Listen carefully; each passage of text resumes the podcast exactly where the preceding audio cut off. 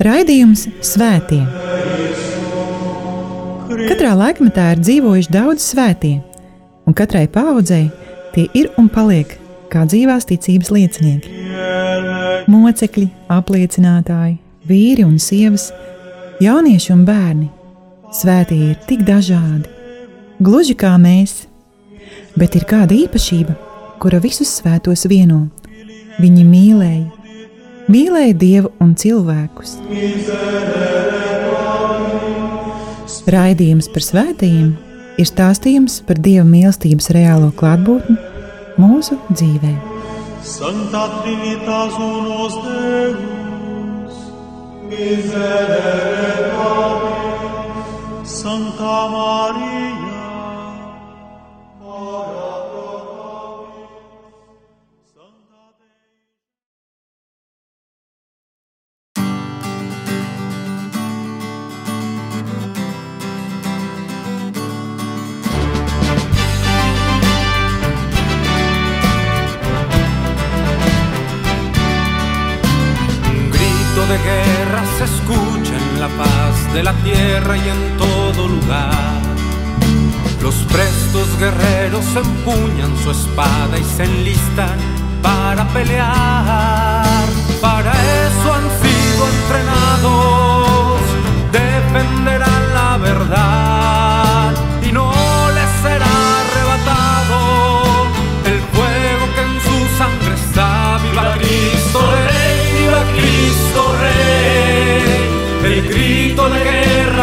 enciende la tierra. Viva Cristo Rey, nuestro soberano Señor, nuestro capitán y campeón. Pelear por él es todo un honor.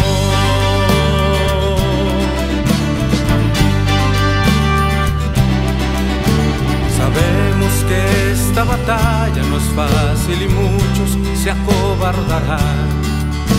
Y bajo los dardos de nuestro enemigo sin duda perecerán. Yo tendré mi espada en alto, como la usa mi Señor.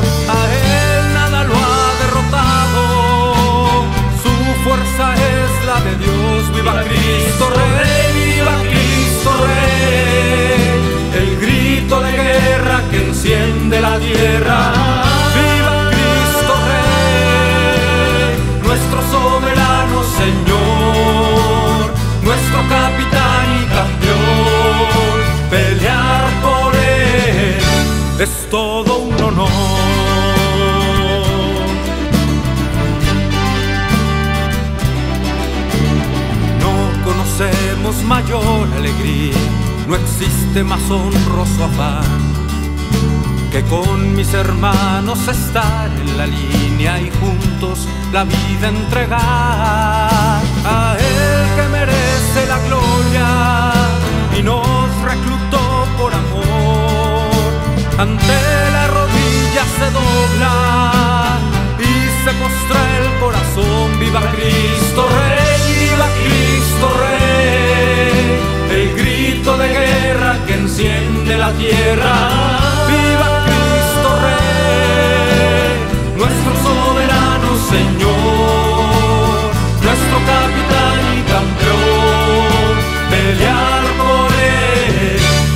todo un honor.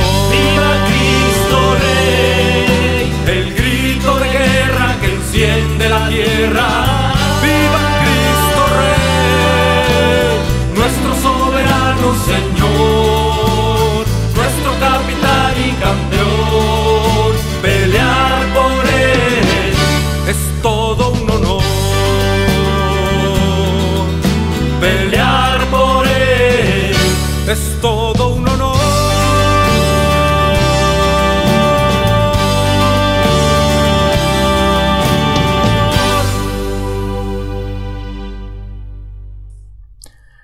Lai ir slavēts Jēzus Kristus. Cienījami radījuma arī klausītāji, ētera skan raidījums par visiem svētajiem, un pie mikrofona esmu atkal es priesteris Večeslavs. Svētīgo, par kuru esmu nolēmis pastāstīt tieši šai raidījumā, var droši nosaukt ne tikai par priesteri un mocekli, bet arī par piedzīvojumu, dažādu pārsteigumu un emociju meklētāju. Tas ir svētīgais meksikāņu priesteris Miguels Pro. Visa viņa dzīves vēsture ir pārpildīta ar starpgadījumiem un varbūt pat varētu pateikt ar avantūrām, kaut arī šis vārds noteikti neasociējas ar jēdzienu svētums. Svetīgais Migeļs piedzima 1891. gada 13. janvārī, tālajā no mums Gvadelupā, Meksikā. Viņa tēvs, kuru, kuru arī sauca par Migelu, bija par galveno inženieri Concepcion del Oro raktuvēs. Mātei, kurai vārds bija Jozefa, atstāja uz savu bērnu lielu iespaidu, it sevišķi, kad viņš redzēja, kā māte rūpējās un uztraucās par visiem kalnračiem, kuriem par priekšnieku bija viņas vīrs. Mazais Migeļs bija jautrs, labsirdīgs un palaidnīgs bērns. Kad jau kļuva par jaunieti, arī tad vienmēr rokoja un jokoja un smējās un centās visus uzjautrināt. Reiz viņš bija devies kopā ar ģimenes draugiem un paziņām jezuītiem kādā nelielā ceļojumā. Nevienam no ceļabiedriem nezinot, Migeļs pārģērbās kāda jezuītu priestera apģērbā un apstaigāja tuvu esošās rančo un tajās sprediķoja. Vienkāršie zemnieki Migeļu noturēja par priesteri un apdāvināja viņu ar dažādām lauksaimniecības veltēm - sieru, olam, cigaretēm. Nedaudz vēlāk viņu panāca arī īstie jezuīti, kuri neko nevienam nepateica, jo visticamāk Migeļs bija visu labi izdarījis. Tiesa, Visu, ko Migels bija nopelnījis prediķojot, viņam vajadzēja atdot, tā teikt, kopējā katlā. Protams, netruka Migeļa dzīvē arī sarežģītu situāciju. Reiz Migeļs uzkāpa uz jumta, cenšoties noķert savas māsas putnu. Kad kaut kas aizgāja ne tā uz tā jumta, un viņš centās pasaukt palīgā savu tēvu, tēvs pienāca klāt, un no jumta augstuma pār tēva galvu izbera vesels lērums papirosu, tieši uz no Migeļa kabatas.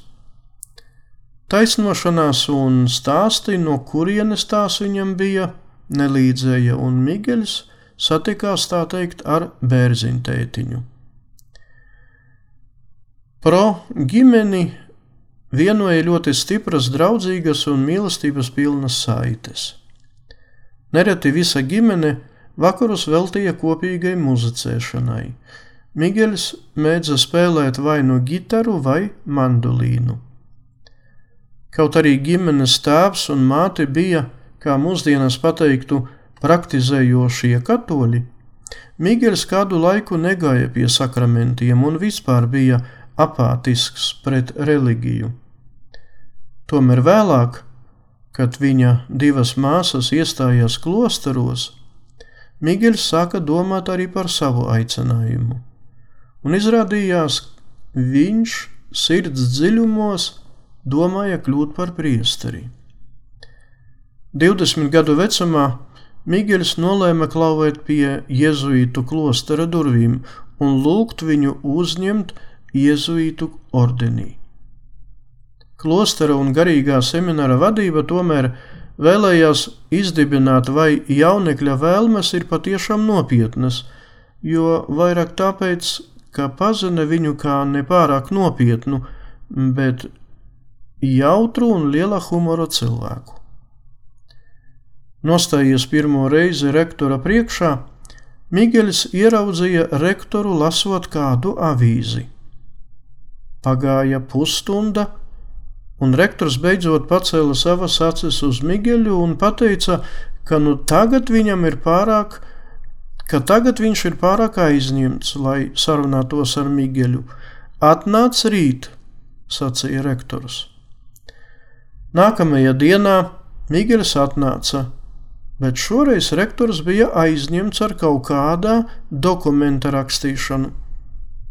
Migeļs gaidīja krietnu laiku un atkal sadzirdēja: Atnāc rīt! Nākamās dienas rītā, kad Migeļs atkal bija atnācis, lai satiktos ar rektoru, pie kabineta durvīm viņš satika palielu jaunu jezuītu grupu. Viņi skaļi sarunājās savā starpā par jezuītu ordeņa regulas nepilnībām un trūkumiem – Pēkšņi Miguels saprata, ka tas viss ir nekas cits kā pārbaude, un viņš šo pārbaudi godam izturēja. Savu noviciātu ordenī Miguels iesāka 1911. gada 10. augustā. Si los vientos te obedecen, si la mar por calle como hay un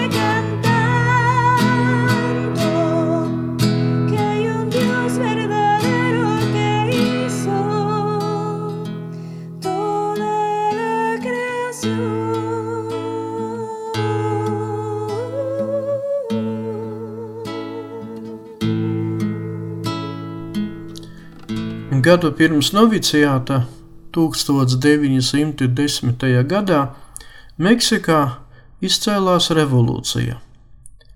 Četrus gadus vēlāk semināra rektors, redzot notiekošo valstī, gaidīja uz lielām nelaimēm. Un visu, kas bija seminārā vērtīgs un dārgs, viņš apslēpa, to aprokot vai atdodot uzticīgām personām. Bet semināristiem nopirka parastās drēbes. 15. augusta vakarā semināristi mazās grupās atstāja semināra telpas. Miguelis bija pārģērbies par parasto zemnieku un izskatījās un uzvedās tā, ka daudzi pat bija nodomājuši, ka viņš patiešām arī ir zemnieks un kalps. Semināristi aizceļoja vai nu kājām, vai nu ar vilcienu uz Lareidu pilsētu Teksasas štatā. No turienes Miguelis devās uz Kaliforniju, bet no turienes caur Nikaragvu un Spāniju nokļuva Beļģijā. Tur viņš apmeties uz dzīvi, gan strādāja, gan turpināja studijas. 1925. gada 31. augustā Miguelis Pro Beļģijā tika ordinēts par priesteri. Vienīgais, kas viņu apbēdināja šajā svinīgajā dienā, bija tas, ka neviens no viņa ģimenes nevarēja būt klāt un piedalīties šajās svinībās. Ordeņa vadība visticamāk nelīdz galam saprotot nopietnu un draudu pilnu stāvokli Meksikā, pieņēma lēmumu jauniesvētīto jēzuītu sūtīt kalpošanai un darbam atpakaļ uz dzimteni, uz Meksiku.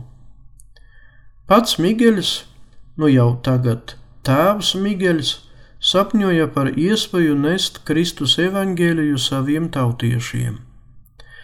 1926. gadā viņš nokļuva Meksikā un devās uz tās galvaspilsētu.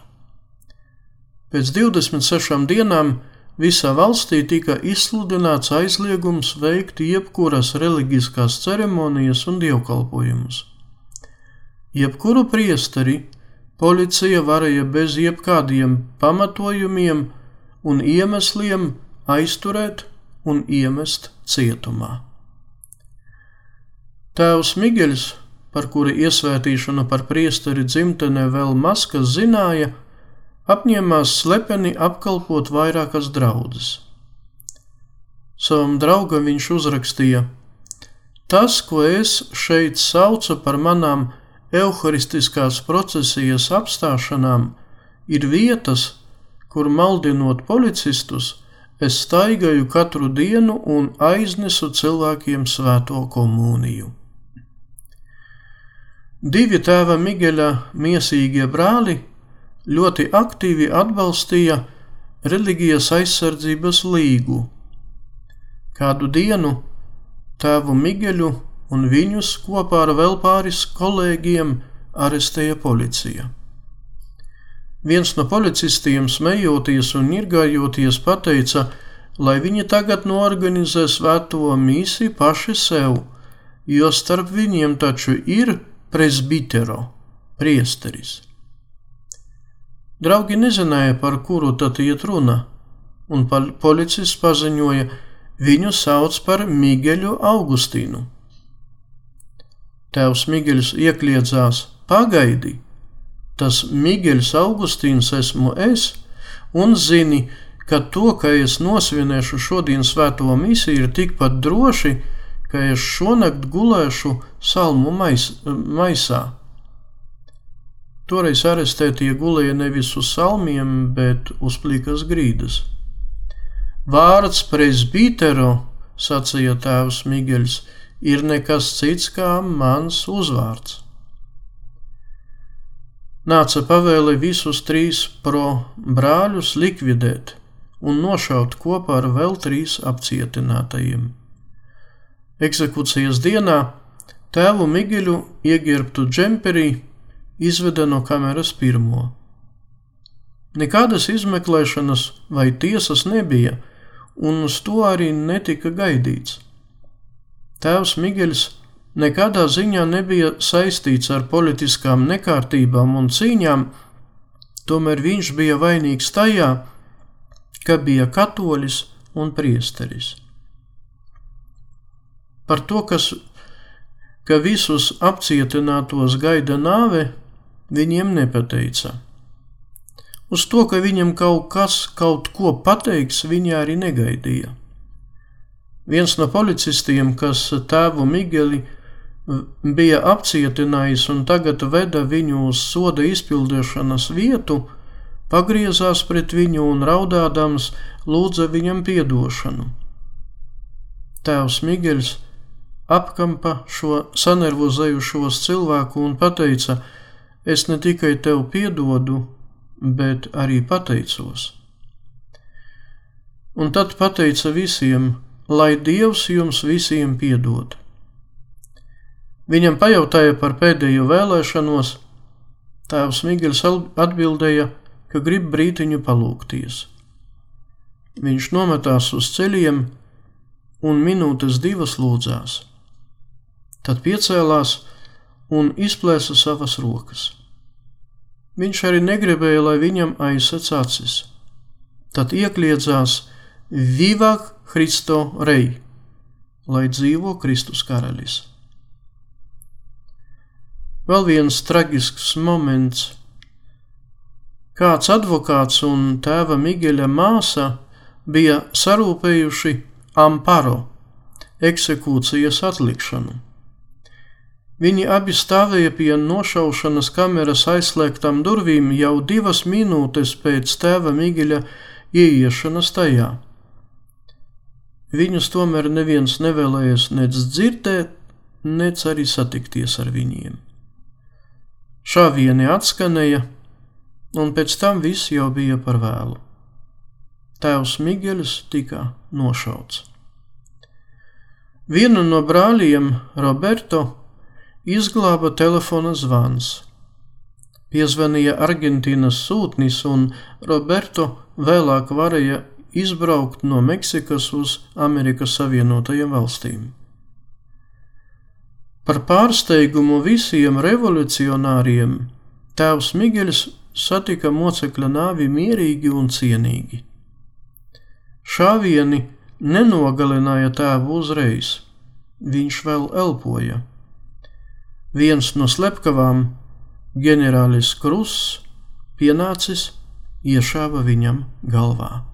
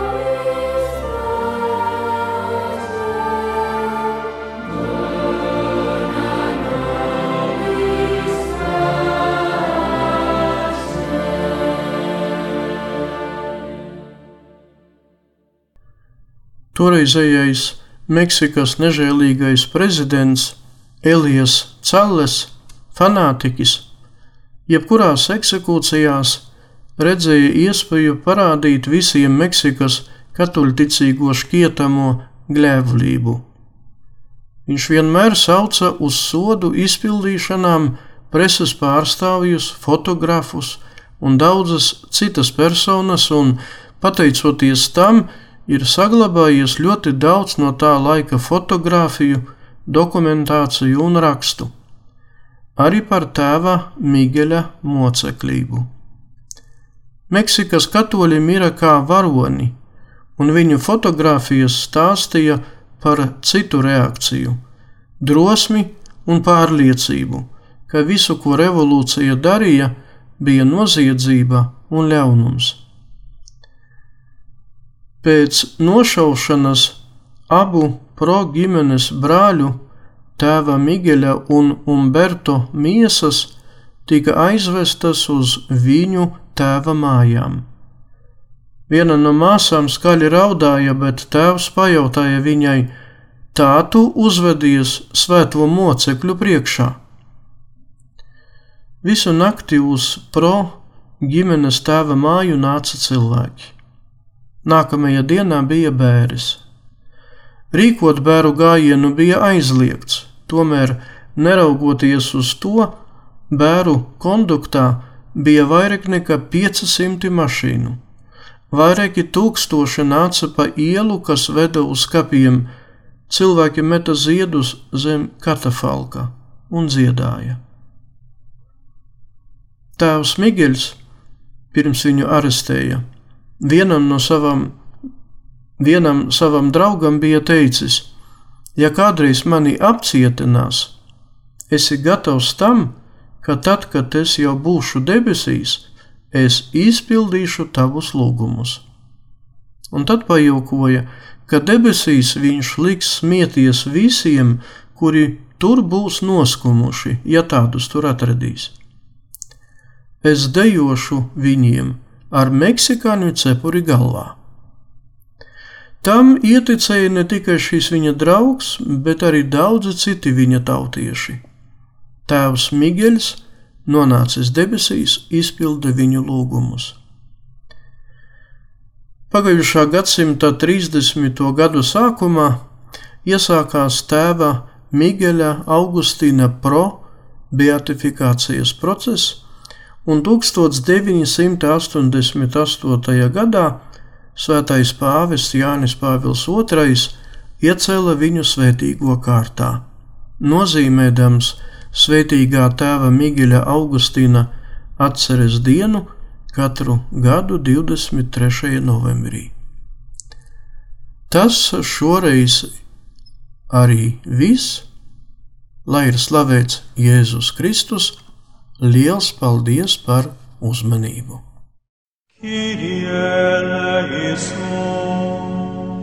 Raidījums Svētie. Katrā laikmetā ir dzīvojuši daudz svētie, un katrai paudzei tie ir un paliek kā dzīvās ticības liecinieki.